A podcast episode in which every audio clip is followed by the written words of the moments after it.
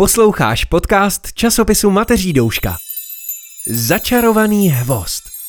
Napsala Klára Smolíková, čte Jan Maxián. Díl čtvrtý. Kdo sklízí bouři? Tomuto kraji, kde cesty končí, se říká končina. Za poslední vesnicí už potkáte jen zvířata a lesní duchy. Proto do hustého lesa zvaného Hvost žádné stopy nevedou. Tuhle zimu ale velké psí šlápoty spojily les a nízkou chatrč cestičkou vyšlapanou ve sněhu. Šajtan přicházel za svým pánem a sníh jeho teplem tál. Bolechu, odložila Luna šití a vyhlédla z malého okna. Už jsem za zde? Šajtan? Světlovlasá dívka přikývla a chlapec provinile zastrčil medailon za košili. Šeřilo se, ale díky sněhové nadílce krajina zmodrala. Dvě červené oči zářící jako žhavé uhlíky se přibližovaly modrou tmou. Proč si s tím přívěskem hraješ?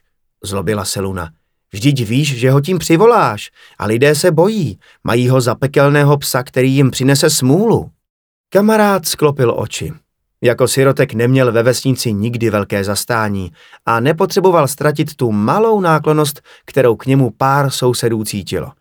Jenže medailon byl klíčem, kterým otevře dveře ke své minulosti. Cítil to. Potřebuje zjistit, kým doopravdy je a kdo byl Boleslav. To lesní duchovému prozradili otcovo jméno.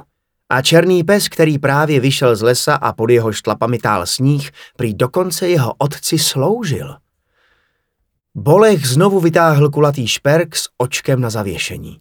Zašlíkovový povrch byl zdobený ornamentem z propletených stuch. Odemknout minulost. Slova mu vytanula na mysli a znovu mu připomněla, proč nenechal medailon na pokoji.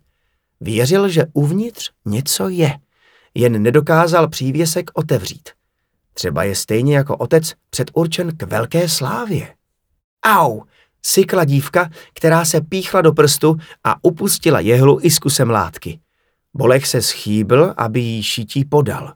Hrot jehly byl potřísněn kapičkou krve. Medailon na jeho hrudi se jemně zachvěl.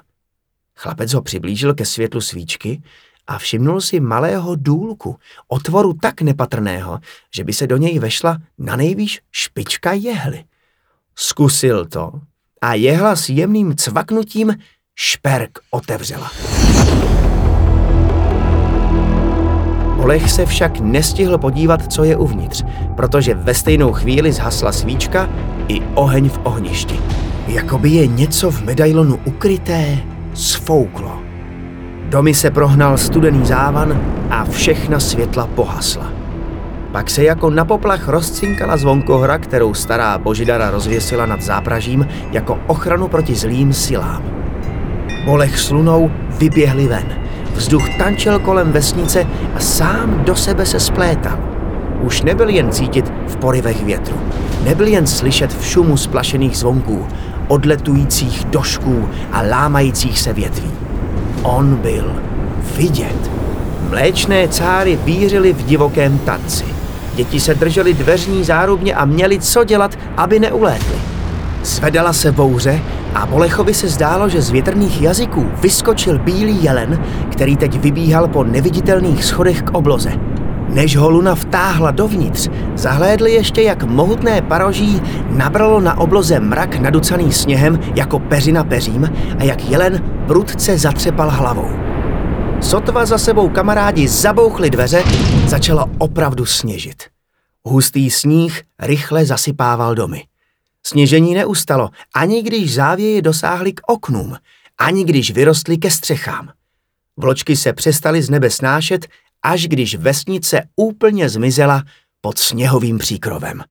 V medailonu byl jelen, hlesl Bolech. Sníh všechny uvěznil v domech. Luna marně zkoušela rozdělat v ohništi oheň. Kdyby tu tak s nimi byl někdo dospělý – Třeba by si věděl rady. Kdo nám teď pomůže? Povzdechla si dívka a zuby jí drkotaly. Bolech nestačil odpovědět, protože se do jejich obydlí právě někdo dobýval. Slyšeli zlověstné škrábání a hrdelní vrčení. chytli se za ruce a vyděšeně hleděli na vchod. Ten jelen je zřejmě šílený, zamumlal Bolech. Co když je i masožravý? Vyslovila Luna své nejhorší obavy. Zvuky sílily a tentokrát připomínali funění.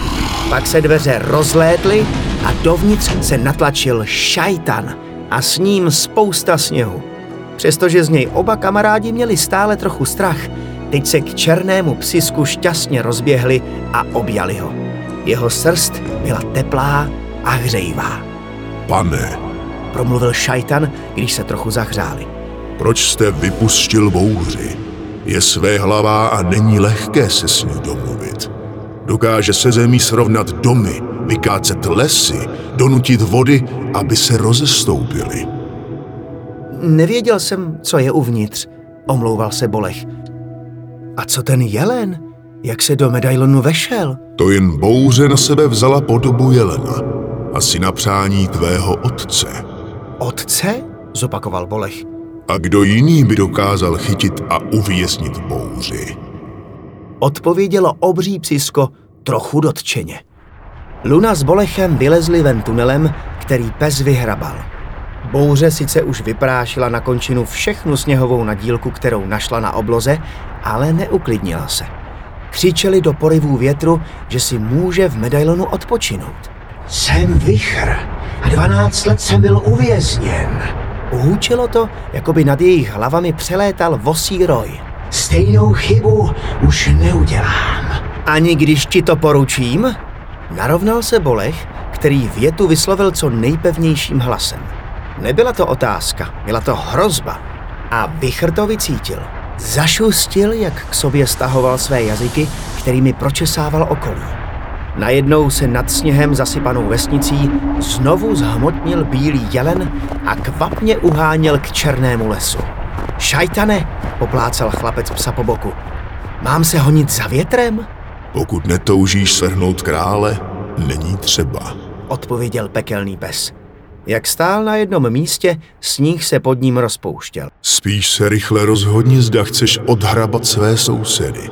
Nezdáli se mi příliš přátelští. Luna po těch slovech vykřikla a začala zuřivě odhrabávat sníh v místech, kde stál dům jejich rodičů. Pes ji čumákem odehnal a pátravě se zadíval na Bolecha, jestli o záchranu vesničanů stojí.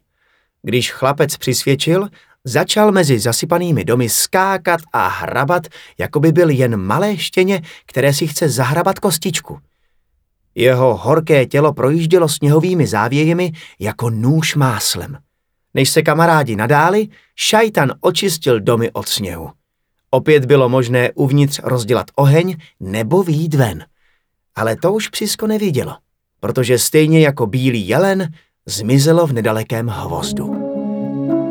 Bolech naposledy pohlédl do otevřeného medailonu. Snažil si do paměti uložit postavu s jeleními parohy, která byla uvnitř vyobrazená. Pak přívěsek zavřel a on se tiše uzamkl.